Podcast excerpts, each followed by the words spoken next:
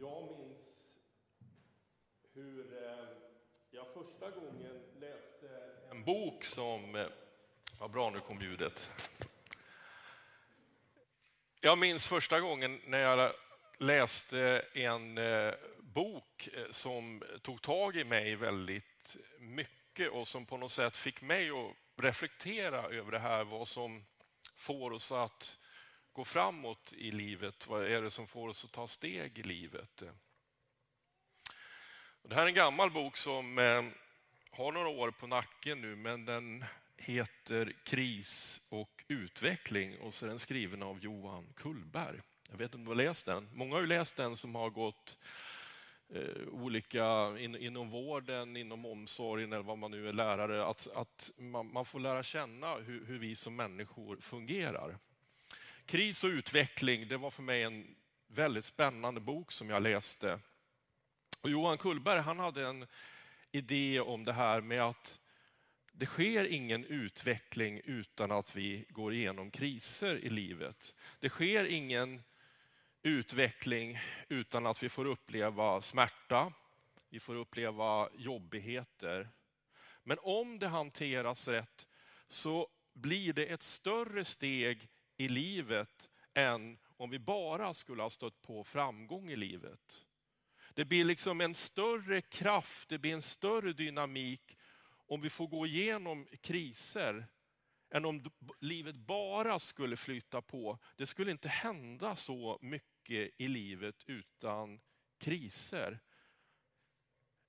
Livets utveckling, steg i livet, både steg vi kanske tar i vårt arbetsliv eller i gemenskaper eller i vårt andliv, kräver ibland någon form av kris. Och ibland är ju det väldigt jobbigt, för dit vill vi ju inte. Vem vill uppleva kris i livet? Vem, vem vill överhuvudtaget komma eh, till en plats där det är jättejobbigt? Där, där, man, där man eh, får gå igenom mörker, där man får gå igenom svårigheter. Jag jämförde Johan Kullbergs bok med vad Bibeln säger om det här med kris och utveckling. Och jag tänkte så här, mycket av de berättelser som handlar om mänskliga möten. Jesus, hans vandring med lärjungarna, handlar just om det här, om att det handlar om, ett, om att gå igenom kris och utveckling. Det är inte så här automatik att det är bara seger, det är bara kraft, det är, det är bara möjligheter, det är bara genombrott. Utan tittar man i Bibeln så ser man att det är väldigt mycket kriser och att ofta är det så att innan utvecklingen kommer, innan stegen går vidare, då förutsätter det någon form av kris. Men det här värjer man sig mot. Ungefär som Petrus sa till Jesus att inte ska väl du gå och dö? Alltså, han skyggade inför den här krisen som skulle komma i med korsfästelsen som exempel på många exempel i Bibeln. Att man vill inte dit. Det är det värsta man, man kan tänka sig. Och ändå kan vem som helst, vilken människa som helst, hamna i det här mörka, svarta, den här krisen. Och jag ska försöka illustrera lite grann så här. Var finns Jesus någonstans när vi bränner ut oss? Som ju är en folksjukdom eh, idag. Var finns Jesus när ideal och verklighet kolliderar med varann? När våra äktenskap kanske inte blev som vi hade tänkt oss? När jobbet och karriären inte blev som jag hade tänkt? Och så kan man bara räkna upp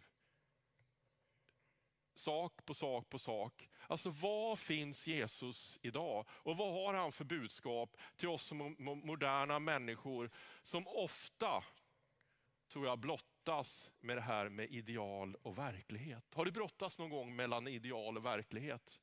Att du har massa tankar om hur det borde vara, hur man borde känna och, och, och, och liksom bara känt så här, men det här stämmer ju inte överens idealen krockar ofta med verkligheten. Är det inte jättejobbigt? Och det här sker överallt. Det sker i äktenskap, det sker på jobb, det sker överallt. Och i varje sånt här steg är det väldigt lätt att liksom åka in i ett svart hål av meningslöshet som allt mer drar ner mitt liv. Och vi ska fundera tillsammans, vad är Jesu budskap som sagt i det här? Och Jag vill säga så här till dig som sitter här som kanske går igenom en kris eller du har en utbrändhet i botten. Eller du har ett äktenskap som inte är riktigt vad du hade tänkt så vill jag säga så här, jag kommer verkligen inte att romantisera kriser. Men kanske vi kan närma oss det här som församling. Kanske det här är en av de viktigaste uppgifterna som vi som missionsförsamling har. Att möta människor mitt i den här smärtan, mellan ideal och verklighet. Vi läser i Jesu namn. Matteus evangeliets 12 kapitlet, verserna 15 till och med 21. Och det står följande. Många följde med Jesus och han botade alla och förbjöd dem strängt att avslöja vem han var. För att det som sagts genom profeten Jesaja skulle uppfyllas. Detta är min tjänare som jag har utvalt, den som jag älskar och som min själ har sin glädje i. Jag ska låta min ande komma över honom och han ska förkunna rätten för folken. Han ska inte träta och ropa och ingen ska höra hans röst på gatorna. Han ska inte bryta av det knäckta strået eller släcka den tynande lågan. Utan han, han ska en dag föra rätten till seger och hans namn skall ge folken hopp. Den, det knäckta strået och den tynande lågan, ja, det är en bild för, jag ska ta fram lite rekvisita här. Jag plockade det här årets sista strå utanför här. Jag gick åt det hållet, vet när jag klev ner i ett kärr där. Och, och så här, det är ett sumphår där, så jag, så fick komma, vad skitig jag blev om skorna. Eh, eh, det är lite roligt sånt där, man kan få med om lite kul, men jag gick dit bort och så plockade det här strået. Eh, och ni vet att det knäckta strået det är en bild för dig och mig. Alltså, vi kan vara ett strå som står här och så vackert vajar vackert för, för vinden och, och, våra ryggar är raka och, och, och, vi mår ganska bra. Va? Men så kommer vi till, till ett tillstånd, vi är inte av, men vi är knäckta. Har du varit knäckt någon gång? Dum fråga. Klart alla människor är knäckta, men man kan bli riktigt knäckt. Och Det är som, känns som att ryggraden inuti mig själv har gått av på mitten. Och Det är som att livet som jag en gång hade, det finns inte längre, utan jag är en knäckt människa. Ibland syns det kanske inte på mig, men, men jag är knäckt. På något sätt så har någonting hänt inom mig. Jag är knäckt som människa. Och Jesus räknar med, vi kan bli knäckta som människor. Den andra bilden ska ta.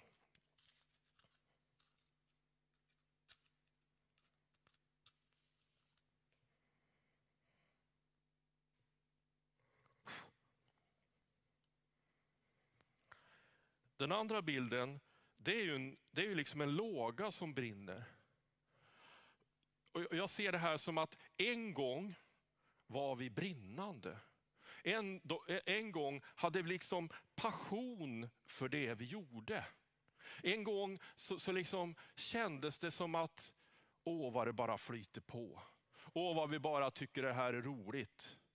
Och så bara en dag är vi som en tynande låga eller som en rykande veke. Och vi undrar, vad tog min passion vägen?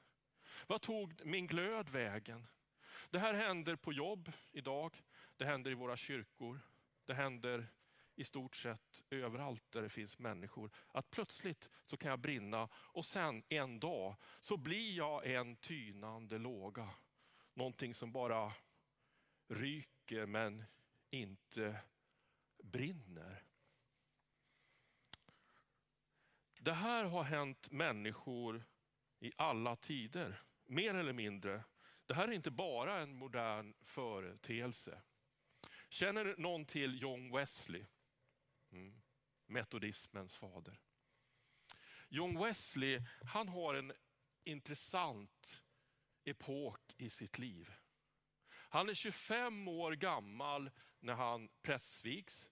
Han växer upp i en, en kyrkofamilj i anglikanska kyrkan. Och han är 25 år. Och han går i sin fars fotspår. Och han, han liksom uppfostras av sin far som, som gör att han får med sig ideal, han får med sig bilder om hur man ska göra, hur man ska vara som präst. Och så prästvigs han vid 25 års ålder. Och hans första projekt, hans stora projekt, det är att han tänker, jag åker till Nordamerika och missionerar för indianer. Vet ni hur det gick? Jag ska tala om hur det gick. Det blev nästan fiasko av alltihopa. Därför att av någon anledning så tyckte ju befolkningen inte att han var relevant eller han var fel eller vad nu som hände. Alltså det blev inte bra. Och John Wesley, han, han blir ju som en rykande eh, eh, låga och han blir som ett knä. Alltså han blir ganska knäckt av det här. Du kan ju tänka dig att komma ut som 25-åring. Det var inte lättare på 1700-talet då heller att komma ut som ung och ha ideal med sig. Det fanns ju eh, en teologisk högskola på den tiden också och, och, och, bilder om hur, hur verkligheten skulle se ut. Och så kraschar det fullständigt. Det blir inte bra. Man kan ju tänka sig hur han kände inuti. Det finns en lång historia kring det här, men han möter ett antal människor, en grupp människor. De är herren hutare.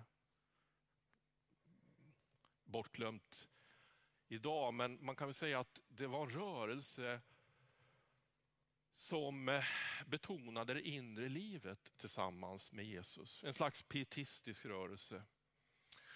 Och eh, tillsammans med dem så gör han en inre resa kan man säga. Och han fascineras av, av deras eh, teologi som väldigt mycket går ut på att konfrontera sina rädslor. Att konfrontera det man djupast sett är rädd för, sin dödsrädsla eller vad det nu kan handla om. Och tillsammans med dem så får han möta sin rädsla tillsammans med Jesus. Han, han får liksom fejsa det här som, som man är djupast sett är, är rädd för, som man kanske aldrig pratar om. Han får liksom möta allt det här tillsammans med de här vännerna. Jag tror att om vi hamnar i en kris, då behöver vi andra människor. Då behöver vi andra människor som, som liksom är den här stöttningen. Och så fick John Wesley uppleva att det kom människor som eh, Gud sände. Som kunde ge, ge honom redskap för den här resan. Och han börjar allt mer förvandlas. Krisen är inte bara någonting som knäcker oss, som bryter av oss helt och hållet. Om den förvaltas rätt så kan den användas i Guds verk, i Guds rike. Den kan bli någonting som totalt förvandlar oss. Det kan vara så, och jag idealiserar inte det, att din och min, om vi har hamnat där, utbrändhet eller kris eller vad det någonting kan bli steget mot något större och någonting mer verkligt och någonting avgörande som kan förändra ett helt samhälle. I John Wesleys fall, en hel nation förvandlades genom den här krisen. Och jag tror att utan den här krisen som John Wesley fick gå igenom när han misslyckades, då hade inte metodismen som den kom att bli på 1700-talet, alltså den kraft i samhället, blivit det den blivit. För han måste göra den här resan. Han måste gå igenom sin egen rädsla. Och när han gör det, han möter sin egen rädsla. Jag tänkte så här, min vän, när du sitter där. Vad är du rädd för? Eh, man kan ju vara rädd för ormar och man kan vara rädd för att flyga och sånt där. Men det är ju inte det jag pratar om. Jag pratar om de här jobbiga sakerna som vi alla kan uppleva. Det här som rör gemenskap. Någon sa så här, i västvärlden och särskilt Sverige är vi väldigt rädda för att bli utbytbara. Utbytbara inte bara i våra jobb. Utbytbara inte bara i våra äktenskap. Utbytbara i stort sett överallt. Vad händer med den människa som hamnar i det läget? Att hon blir en tynande låga, rykande veke eller ett knäckt strå. Vad händer med den människan som hamnar i den situationen i samhället, i sitt äktenskap? Då bär vi en rädsla, någon kanske byter ut oss. Någon som är bättre, någon som är mera skickad, någon som, som kan tackla problemen bättre och bättre axla den roll som jag borde axla men nu som jag inte klarar av. Rädslan att bli utbytt var en känsla som John Wesley bar. Någon byter ut mig. Och budskapet idag det är Jesus byter inte ut dig. Han bryter inte ut oss. Han knäcker inte den som är bruten. Han släcker inte den tynande lågan. Det är det evangelium jag upplever idag. Han, Jesus, byter inte ut oss. Utan mitt i allt det här, mellan ideal och verklighet, där livet går sönder, så finns han. Och han går rakt in i vårt samhälle idag. Han går rakt in i den problematik som det är att leva som modern människa.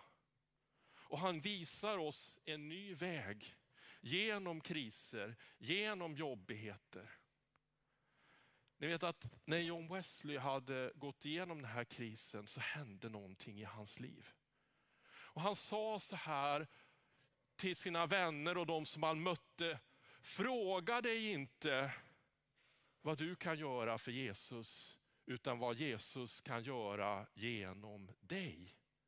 Den här krisen hade gjort att han hade bytt perspektiv på sitt liv. Han såg att vägen, den gick på ett annat sätt. Det var inte slutet, utan var början på någonting nytt.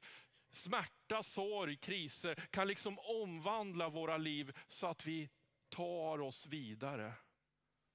Och ni vet metodismen, det blev en, en rörelse där man kapitulerade för Jesus. Där den kyrka växte som tog, tog sig an människor i nöd, men också räknade med den heliga ande. Att du och jag måste kapitulera för en kraft större än oss själva.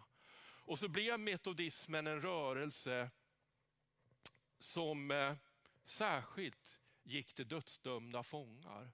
Och kanske hade han mött sin egen rädsla, för det sa som de här fångarna att de var så lugna när de gick till sin egen avrättning. Han, han gick igenom den djupa djupaste liksom, till de människor som, som hade och Det engelska rättssystemet kände ingen hejd på sin småaktighet på den här tiden. Inte alls, det kunde räcka med, med liksom snatteri för att bli avrättad. Han fick möta sig själv. Och jag tänker så här, vad händer när vi möter kriser tillsammans med Jesus? Det är inte slutet, det är början. Jag ska vara högst personlig för att det här händer ju så ofta. Och det är, min story är inget märkvärdigt. Men det var ungefär 25-26 år sedan nu. Jag gick rakt i den berömda väggen som man säger. Burnout, utbränd. Och jag var verkligen det här knäckta strået och den rykande veken eller den tynande lågan eller vad man nu ska kalla det. Det var precis så jag kände. Jag hade gått ut från TOS, jag hade jobbat ett tag, två år eller vad det var. Ett och ett halvt, kommer inte ihåg exakt. Och så minns jag, jag står vid telefonen och så bara svartnar det för ögonen. Jag kom inte ihåg vad jag hade skrivit i almanackan. Plötsligt var, var liksom allt raderat och jag liksom trevade och jag kände så här, men vad händer med mig? Liksom, det är någonting som, som inte är bra. Och jag hade känt den här tärande otillfredsställelsen. Du vet, utbrändhet, det, kommer, det, det, det sker ofta smygande i steg. I alla fall Eh, så blev jag sjukskriven ett tag och vänner kom till mig och så sa de ungefär så här, och jag trodde ju så till själv i början. Hör du, tänk bara om du hade fått sova tillräckligt. Då hade allt blivit jättebra. Min dotter skrek om nätterna, hon hade kolik. Jag fick skjutsa henne fram och tillbaka i bilen så att hon skulle somna. Eh, inte så bra. Och visst, det hade en bidragande orsak. Säkert. Någon sa så här, men du jobbar ju för mycket. Du hade två predikningar varje söndag, därför att man delar på tjänsten. Det skulle vara två predikningar, en i varje församling. Tänk om du hade sluppit jobba så mycket och hade så slitig tjänst. Då hade inte det här hänt. Och jag tänkte, visst spelar det in någon, någon, någon typ av roll. Men den stora grejen, det var ju förhållandet mellan ideal och verklighet. Det var ju det som var det bökiga. Att de ideal jag hade, det motsvarade inte verkligheten alls. Tvärtom. Och jag tänkte, det är väl lika bra att, att ge upp allting i det här. Jag är väl fel människa på fel plats. Det här händer inte bara präster, pastorer eller församlingsarbetare. Det här händer lärare idag, det händer vårdpersonal. Att förhållandet mellan ideal och verklighet knappast stämmer överens. Det kan göra det, men många upplever en, liksom en stor klyfta mellan ideal och verklighet. Och det är där Jesu budskap upplever jag kommer in. Han byter inte ut oss. Han kommer in i den här verkligheten. Det fanns ett begrepp som myntades på för 20 år sedan som kom in först och främst inom eh, eh, ekonomisektorn, företagssektorn. Och det var nu ett begrepp som heter New Public Management. Och Det var att allting skulle mätas. Till och med såna här, det skulle till och med finnas inom vården. Och Det kom under Thatcher-eran. Alltså, det var en, det, alltså, alltså att allting skulle nedtecknas till och med sådana saker som var, som var mjuka saker skulle, skulle liksom mätas och kvantifieras. Och, och, och, aha, och krasst så handlar det om så här, är du lönsam lille vän? Är du lönsam? Hur möter man, hur mäter man mänskliga relationer? Hur, möt, hur, hur liksom mäter man samtal? Det kan ju i princip vara ingenting. Och många som har människovårdande yrken upplever det här att det finns en klyfta mellan ideal och verklighet. Och det är, det är mellan det här som utbrändheten riskerar att bli ett faktum för många människor. Inte att man har jobbat för mycket, inte att det var för pressat, utan att det har blivit för mycket måsten. Det har blivit för mycket av brist på liv. Och vad gör man med den människa som enbart reduceras till att vara brukare?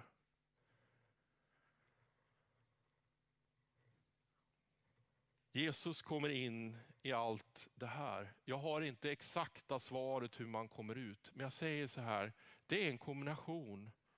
Och min utbrändhet, den, den fick jag ta itu genom mänsklig kärlek och den kraft som jag inte inte kan styra över, men som man kan kapitulera för, den helige Ande. Att en kraft starkare än jag själv kom in och jag kunde fortsätta som pastor. Till sist, som en avrundning av den här predikan. Jag tänker på Beethoven. Jag tänker på hur han i, i toppen av sin karriär plötsligt blir döv. Du har säkert läst om det. Och där i mitt i dövheten, när han är knalldöv, så komponerar han glädjesymfonin, den nionde symfonin. Och eh, experter sa det var det bästa musik han någonsin har gjort i hela sitt liv. Och jag tänker, när vi blir utbrända, när vi får smällar i livet, då kan det kännas som att vissa sinnen inom oss liksom släcks ner. De finns inte där. Då säger jag så här, det kommer andra sinnen och tar över. Det kommer en annan kraft och tar över våra liv som är större än, våra själv, än vi själva. Jag vet att Jesus är en kraft i ett modernt samhälle. Det är inte liksom en nostalgi, det är inte någonting vi bara gör i kyrkan, utan det finns som en påtaglig verklighet i ditt och mitt liv. Att Jesus kommer med nytt hopp, ny glädje. Amen. Vi ber tillsammans. Herre, så vill vi tacka dig för idag.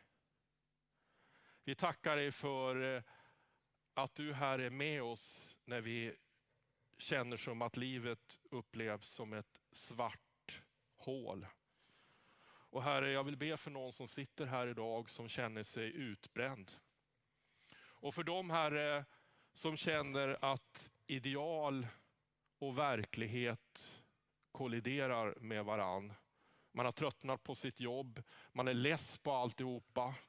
För de Herre som upplever att ideal och verklighet kolliderar i äktenskapet. Där eh, lågan har tynat och det mest känns som att det mesta går på slentrian. Där allt vad man byggde upp av glädje och kärlek nu känns som det har flyttat ut. Och Herre, mitt i allt det här så kan vi uppleva, tänk om vi är utbytbara. Tänk om vi kastas på sophögen. Och Herre, då kommer du till oss med glädjens evangelium som säger att vi är inte utbytbara för dig. Du byter inte ut oss Herre, utan du släcker inte den tynande lågan Herre, utan du kommer med nytt liv i dig vår Herre Jesus. Amen.